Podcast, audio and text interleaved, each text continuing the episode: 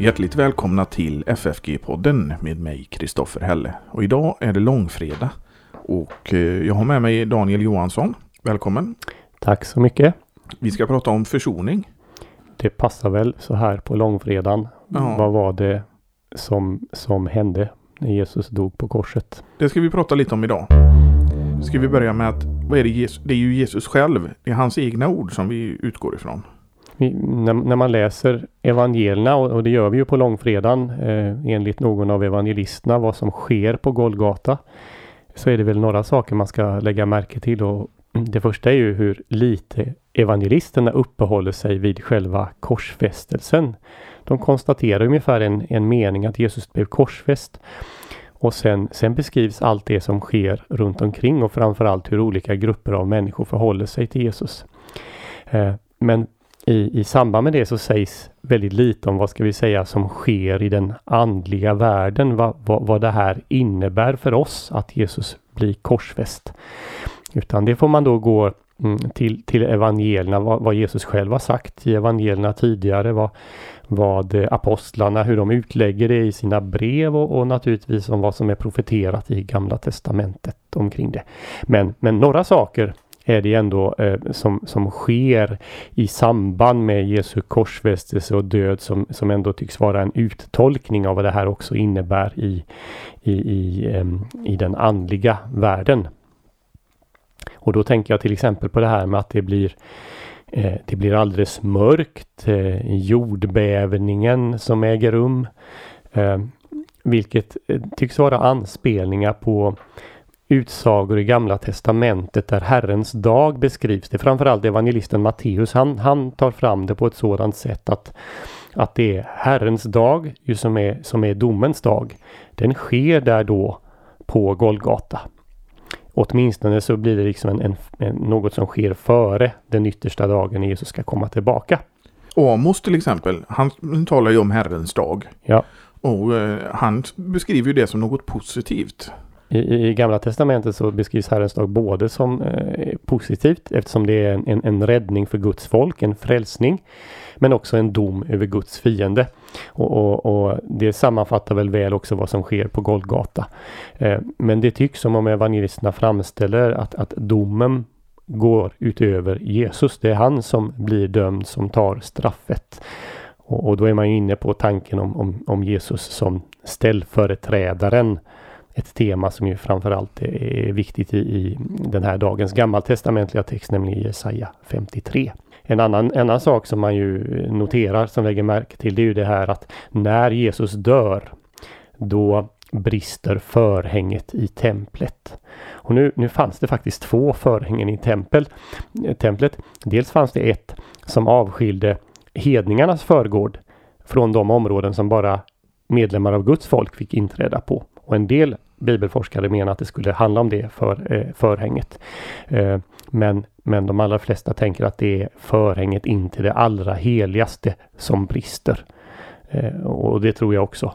Och, och, då innebär ju det här som vi sjunger i en psalm att när Jesus dör så öppnas paradisets portar igen. Och hur kan man säga det? Jo, därför att när Adam och Eva drivits ut ur lustgården så står det att att keruber vaktar vägen in till det allra, till, till, till paradiset.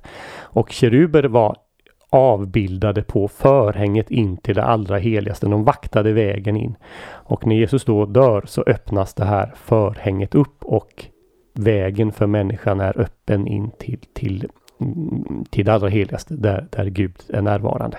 Vilket för övrigt är ett tema som sen dyker upp i Hebreerbrevet som talar om hur, hur Jesus har gått för oss in där. Men sen har vi ju det som Jesus talar ju själv innan långfredagen om det som ska ske. Och det har vi ju till exempel i gårdagens på skärtorsdagens texter och, och det, det som kommer där när han säger att vad som ska hända. Ja, och, och, och det, det, tycker jag det, det är där man ska börja när man frågar vad, vad, innebär det här nu att Jesus dog, varför dog han och så vidare. Och, och eh, då säger han ju i samband med att han instiftar nattvarden att han, att han utger sin kropp och att han utgjuter sitt blod. Och, och det här innebär att Jesus använder offerterminologi för, för det som kommer att ske då några timmar senare. Och det innebär ju då att, att Jesus han tolkar det som sker på Golgata eh, som, som ett offer. Så det har vi Jesu egna ord på. Eh, lite tidigare eh, vid ett annat tillfälle eh, och, och, och, det är i samband med att eh, CBD-sönerna begär att få de finaste platserna i, i hans rike så får Jesus också anledning att tala om, om varför han har kommit till världen och då säger han att, att han har kommit för att tjäna. Och så kommer orden och ge sitt liv till lösen. Det innebär alltså att han, han ger sitt liv för att betala så att vi människor kan befrias, alltså slavar som blir friköpta. Man brukar säga att, man har, att han har gett sitt liv till lösen för många. Och, och många kanske vi ska förklara lite att det betyder ju alla. Ja, det gör det. Eh, den, Jesus säger det så går det sannolikt tillbaka på att han har sagt något på, på arameiska. På arameiska så uttrycker man sig på det sättet när man avser alla. Den här utsagan dyker upp då i, i Markus evangeliets eh, tionde kapitel och 45 vers eh, och även i eh, Matteus. Sen har, har eh, Paulus den också på ett ställe och, och, då säger han att, att Jesus har betalat en lösepenning just för, för alla. Så vi kan tolka den i ljuset av det. Men det här för många är också en anspelning på Jesaja 53 och eh, den, den, innebär att han verkligen ger sitt liv för alla. Även om inte alla teologiska traditioner har tolkat det så. En del menar ju att, att Jesus bara skulle ha gett sitt liv för dem som, som blir frälsta. Men eh, när Jesus berättar de här sakerna och, och liksom profeterar om vad som ska hända. Eh, känner de till Jesaja 53 och kopplar ihop det med Jesus tror du? Mm, det är en bra fråga. Eh, att de känner till Jesaja 53 det kan vi väl vara säkra på att Jesu lärjungar gjorde. Men om de gör de här kopplingarna eh, det är väl kanske osäkert. Det är framförallt evangelisten Johannes, han, han talar på flera ställen om att det här förstod inte lärjungarna förrän efter Jesu uppståndelse. Så att jag tror att lärjungarna många gånger kom ihåg vad Jesus hade sagt. Men det var först när de fick anden efteråt och när Jesus själv undervisade dem efteråt som det kastade nytt ljus på saker och ting som Jesus har sagt. Det får vi ett utmärkt exempel på i, i Lukas 24 också när han vandrar till Emmaus eh, och utlägger skrifterna och, och senare eh, samma kväll när han träffar eh, alla lärjungarna tillsammans där det poletten trillar ner i efterhand så att säga. Den gjorde säkert det många gånger. Och ja. jag kan tänka mig att Petrus och de andra tog sig för, för pannan och undrade varför de inte hade tänkt på det här innan. Men, men det betyder i alla fall att i, i Jesu egen undervisning så har vi eh, åtminstone de här två, ska vi säga, förklaringarna på vad korset är. Nämligen att det är ett offer där Jesus utgjuter sitt blod, ger sitt liv istället för, för oss. Och att den också innebär att han friköper oss människor. Ehm, sen har, har, Jesus en annan bild ehm, eh, i ehm, det är Johannes evangeliet där han talar om sig själv som, som vetekornet. Vetekornets lag, att han är, han är fröet som faller ner i jorden och dör för att de många ska få liv. Det brukar man inte lyfta, lyfta fram eh, så ofta när man talar om, om de olika motiven, men det finns där. Där har vi de många igen. Ja. Som är alla. Som är alla. Ja. Mm. Men vi pratar om lösen. Ja. Vem är det han betalar lösen till? Det, det har ju varit lite tvistat om det i historien. Ja, det, det är en omtvistad fråga och, och problemet här är ju att, att i, i de här ställena Jesus säger att han ska ge sitt liv till lösen så står det inte vem eh, det, det, ska betalas till. Eh, och i den tidiga kyrkan så tänkte eh, eh, flera teologer att, att lösen betalades till, till djävulen och att det var han så att säga som hade, hade människan fången och för att människan skulle bli fri så måste Jesus då betala med sitt blod som ett lösen. Eh, det, det, kritiserades av andra teologer att genom att, att, att där tillskrevs då eh, djävulen för mycket makt. En sådan makt har han inte över människorna. Och den som så att säga, teologihistoriskt löste den här frågan det var Anselm av Canterbury när han skrev sitt berömda verk Varför blev Gud människa? Eh, där för han i bevis utifrån olika bibelställen att det måste ändå ha varit så att lösen betalades till Gud och att det handlade om vår syndaskuld. Sen kan man väl säga det om förhållandet till, till den onde och den ondes makt då att, att Jesus måste utgjuta sitt blod för att försona för våra synder och, och försona Gud. Och när det har skett så har inte djävulen någon makt över människan längre och då kan människan eh, så att säga bli frisläppt ifrån från den ondes våld. Människan genom sin synd har dragit på sig ett straff som man inte kan betala själv. Men det går Jesus in och betalar och det är ju till Gud som kräver att vi är rättfärdiga. Ja, så, så har, det har också varit, det, det, var flera som tänkte så innan Anselm, eh, så, men, men, men, hans bok var väldigt avgörande för det och det har, har, har sedan varit den huvudtanken i, i eh, västkyrkans teologi och också i den evangelisk-lutherska förståelsen av försoningen. Och det är ju som du säger att på, på, genom att han eh, vinner eh, över döden och djävulen på, på korset så, så har ju inte djävulen någonting mer att hämta. Och, och, då kommer vi egentligen in på ett, ett tredje motiv om, om vad som sker på korset, nämligen det man kallar för kamp-segermotivet. Alltså att, att Jesus kämpar med den onde och de onda makterna och vinner seger. Det finns väl antytt i evangelierna eh, i, i, till exempel eh, när Jesus driver ut de onda andarna så att säga. Då tolkar Jesus det själv som att han binder den onde eller han binder den starke. Eh, så att eh, vill man hitta ett kampsegermotiv så, så, finns det då kanske i samband med de här exorcismerna då. Eh, däremot kanske inte så tydligt uttalat eh, eh i, i några explicita ord från Jesus. Eh, vi har ju den däremot, eh, den tanken framträder väl i det som vi kallar för protoevangeliet, det första evangeliet, första Mosebok 3, 15. Mm. Eh, där det står att kvinnans säd ska då krossa ormens huvud. Och det är ju, det är ju ett, ett segermotiv. Och det kommer ju direkt efter att Adam och Eva har fallit i synd. Ja. Så kommer löftet om, mm. om en försonare helt enkelt. Ja, och, men, men här framställs försoningen i första hand då som en, en, en seger, en, ett besegrande av, eh, av ormen, av den onde. Och det här är ju ett, ett eh, motiv då som var kanske särskilt älskat i fornkyrkan. Det var inte det en, e, enda, de andra fanns där också, men man, man framhävde ofta just segermotivet. Vi har det på några ställen till i, i Nya Testamentet, inte minst i, i Kolosserbrevet, eh, när det står att han har avväpnat makterna till exempel. Men det gör han i samband med att det står också att han där eh, har spikat fast vårt skuldebrev på korset. Så där har vi ett ekonomiskt så att säga motiv också som har med skulden att göra, nämligen och, och, och friköpandet.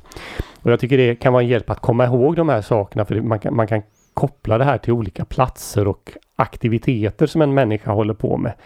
Offret, ja men det sker ju i, i templet på kultplatsen. Eh, kampen och segern, det sker på slagfältet. Eh, eh, friköpandet, det sker på agoran, det sker på torget. Och sen har vi ett fjärde viktigt motiv som, som bara Paulus faktiskt tar fram.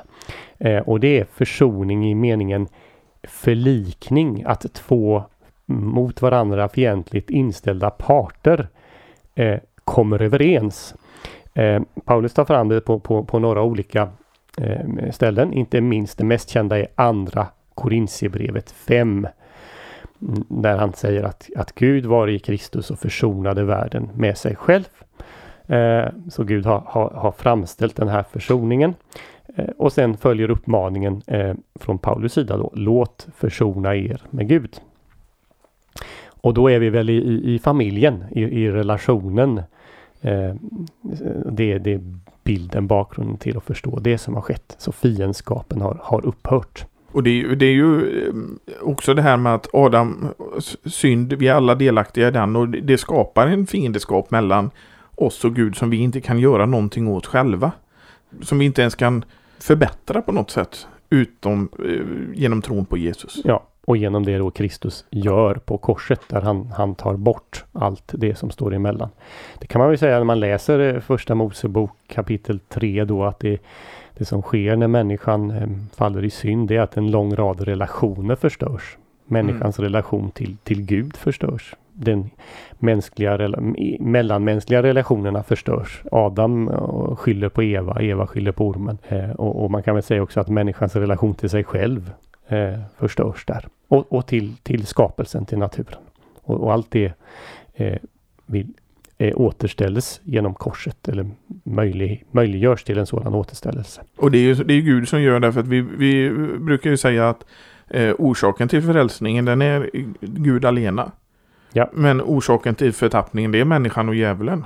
Ja, så, så brukar man. Eh, men då har vi kommit lite längre än till Ja. det som sker på långfredagen. Då har vi tagit liksom hur, hur tillämpas det här på, på människor när de kommer till tro, Ja, blir medlemmar av gudsfolket. men, men som sagt det är inte så att vi människor på något sätt kan göra någonting i det här försonings... Så låt försona er med Gud säger Då, Paulus. då, har, då har Jesus redan gjort allt. Gud har, har, har gjort det här verket. Eh, men vi, eh, han, vi uppmanas att ta emot försoningens ord som Paulus kan tala om, det, nämligen ordet om det här. Mm, så, att, så att vi också kan bli förklarade personligen för rättfärdiga genom tron på Jesus Kristus eh, i, i kraft av på den grunden att han har gjort allt färdigt på korset. Sen särskilt här i Sverige så är det ju så att det har varit en strid om försoningen. Och då kan man säga att Rosenius har varit på den ena sidan och Waldenström på den andra sidan. Om man pratar om Rosenius objektiv försoningslära eller Waldenströms subjektiva försoningslära. Mm. Och då, då, då står ju Rosenius då på den traditionella evangelisk-lutherska, ska vi säga västkyrkans eh, förståelse, som innebär att det, det fanns något hos Gud som då måste måste försonas. Eh, någon, en vrede som måste eh, blidkas så att Jesus gjorde det på korset. Men det reagerade Waldenström emot och han menade att problemet fanns inte hos Gud utan problemet fanns hos oss. Och eh, han, han lärde då att, att ja, det hände någonting på korset men det som händer där är egentligen att, att Gud visar sin kärlek till oss människor. Och det är ju sant att han gör det. Eh, och att denna kärlek, detta, denna kärleksakt då ska väcka en sådan kärlek hos människan själv att hon eh, tar steget att, att låta försona sig med Gud. Och det, nu, nu, när vi pratar om subjektiv och objektiv så är det ju då alltså att om det är Gud eller människan som är subjekt och objekt, inte om det är någonting som är objektivt eller subjektivt. Nej, i, i första hand handlar det då, det objektiva handlar om att, att om, om så att säga det finns något hos Gud som måste försonas. Det subjektiva att, att det så att säga bara bara sitter hos, hos människan, att människan måste försonas. Så, så, så det, det var en diskussion, eh, det ledde ju till, till vissa kyrkosplittringar och så i Sverige. Eh, och sen kom då Gustav Aulén eh, eh, på, på 30-talet och, och försökte lösa den här problematiken genom att, att framhäva då ett annat motiv, nämligen kamp-segermotivet som vi talade om och han menar att det var det klassiska, så hade man lärt i fornkyrkan och så lärde egentligen Luther och så vidare. Det, vid senare forskning har det visat sig att det, det, Aulén överdrev det hela. Det stämmer inte. De olika motiven fanns i fornkyrkan och det, eh, hos Luther. Kamp och seger är väldigt viktigt hos Luther. Det kan man se när man läser honom. Eh, men också den klassiska förståelsen i, i, i meningen att, att det är ett offer, en försoning, mm, ett blidkande av Gud måste ske, finns där också. Men, men Auléns bok blev världsberömd. Den heter på engelska Kristus Victor, Kristus segraren. eh, på svenska Den kristna försoningstanken. Och det, det märker ju eh, man i kontakt med amerikanska teologer så har de läst den här ofta. Den har de läst, den, den, den är känd. Och ibland försöker de eh, vinna poänger genom att berätta för oss svenskar att eh, de har läst Aulén eller, eller Wingren eller någonting och refererat. Men det är ju som sagt eh, allting som Aulén och Wingren har skrivit har ju inte översatts till engelska och blivit spritt där. Nej, de har tagit fasta på, på viktiga saker de har tagit fram i, i, i luthersk teologi, eh, bland annat. Men eh, problemet med Auléns bok var att han, han gör det på bekostnad då av, av till exempel eh, den försoningsläran som An, Anselm hade företrätt, nämligen det här att, att det behöver ett, ett verkligt friköpande behöver äga rum för människan har en, en skuld inför Gud. Eh, så att, men, men, men samtidigt får vi komma ihåg här, Nya Testamentet och tillsammans med Gamla Testamentet, de, de ger oss alltså flera olika parallella infallsvinklar på vad som sker på korset. Det, det är oerhört rikt när man börjar, börjar se det. Och det- behövs ju hela den här paletten så att säga för att, att, att ta till sig försoningen. Ja, jag, jag tror det. Sen, sen tror jag också att det är så här att vi, vi människor är olika och för någon så, så finns det ett eh, eh, en, en beskrivning som kanske appellerar mer till, till ens egen personliga situation. Det utesluter inte de andra. Men, men på det sättet är Guds ord också rikt. Och, och det, det som sker på korset är också något som så oerhört och, och så stort och, och, svårt för oss att, att få greppa att det, kan, det räcker inte att beskriva det på ett sätt utan för att fånga upp det som sker så beskriver Bibeln det på, på många olika sätt. Jo men Paulus skriver ju att eh, för världen så är korset en dårskap. Men för, för, oss är det något annat. Ja, för oss som, som blir frälsta så är, så är det liksom det, det är det stora evangeliet. Det är Guds kraft. Men för världen är det en dårskap. De, kan, de söker ju det här svaret på ett världsligt sätt. Vad tänker du då på? på... Alltså på att man med sitt förnuft försöker att eh, söka svar på vad som hände på korset. Ja. Eller på att söka med förnuftet svar på andliga spörsmål helt enkelt. Mm. Eh, men vi, alltså om, om vi inte har eh, Nya Testamentets då uppenbarelse om vad som sker, då hade vi aldrig kunnat veta det här. Då hade det kanske bara varit en meningslös korsdöd bland, bland många andra. Mm. Men, men uppenbarelsen talar om för oss att, att det som sker är något oerhört. Det är liksom den tidpunkt i vilken hela den mänskliga världens historia eh, eh, eh vad ska man säga, koncentreras. Ja, det är oerhört stort är det. Mm. Och, eh, men jag tänkte att vi skulle prata om en sak till och det var ju det här om vi går tillbaka till offret. Så är det ju ett offer. Mm istället för många offer. Ja, till exempel så är det ju vissa som hävdar att Kristus offras som ett oblodigt offer i mässan till exempel. Medan man är noga i den lutherska traditionen och påpekar att det är ett, ett offer för alltid för alla. Ja, um, och det, gör man ju med hänvisning till undervisningen i Hebreerbrevet som om och om igen um, um, inskärper det här att det här har hänt en gång för alla och att de, alla de gammaltestamentliga offren pekade fram emot detta enda offer där översteprästen Jesus Kristus offrade sig själv. Ehm, sen att man då i, i till exempel i, i romersk-katolsk teologi eh, talar om att ett upprepande och så vidare. Det, det hänger nog också delvis samman med hur man förstår vad, vad det här offret är så att säga i, i den evangelisk-lutherska förståelsen så är per definition offret blodigt och innebär död och då kan det inte ske mer än en gång. Man kan liksom inte per definition tala om ett oblodigt offer medan man i romersk-katolsk teolog, teologi har tänkt sig det här då annorlunda. Så att till och med själva offret är, är, är definierat på ett lite annorlunda sätt. Mm. Här kan man säga att, att e- e- den evangelisk-lutherska teologin ligger väldigt nära vad, vad Hebreerbrevets författare säger som också definierar offret som, som ett, ett, ett blodigt offer som innebär verklig, eh, verklig död. Ja, Hebreerbrevets författare som, som vi inte vet vem det är eh, eh, har ju väldigt mycket av denna tematiken om försoning och, och Jesus som överste präst. Mm. Jag skulle säga att det, det, är själva huvudärendet i Hebreerbrevet som författaren uppehåller sig allra längst vid och, och det som kommer före det, det syftar fram emot den undervisning som ska komma om Kristus som, som den sanne överste prästen och, och hans offer som är giltigt, ett offer giltigt för alla tider. Ett offer giltigt för alla tider. Det tycker jag var en bra avslutning på detta långfredagsprogram. Det tycker jag också. Ja. Vi tackar lyssnarna och önskar er en välsignad påsk och på återhörande nästa vecka.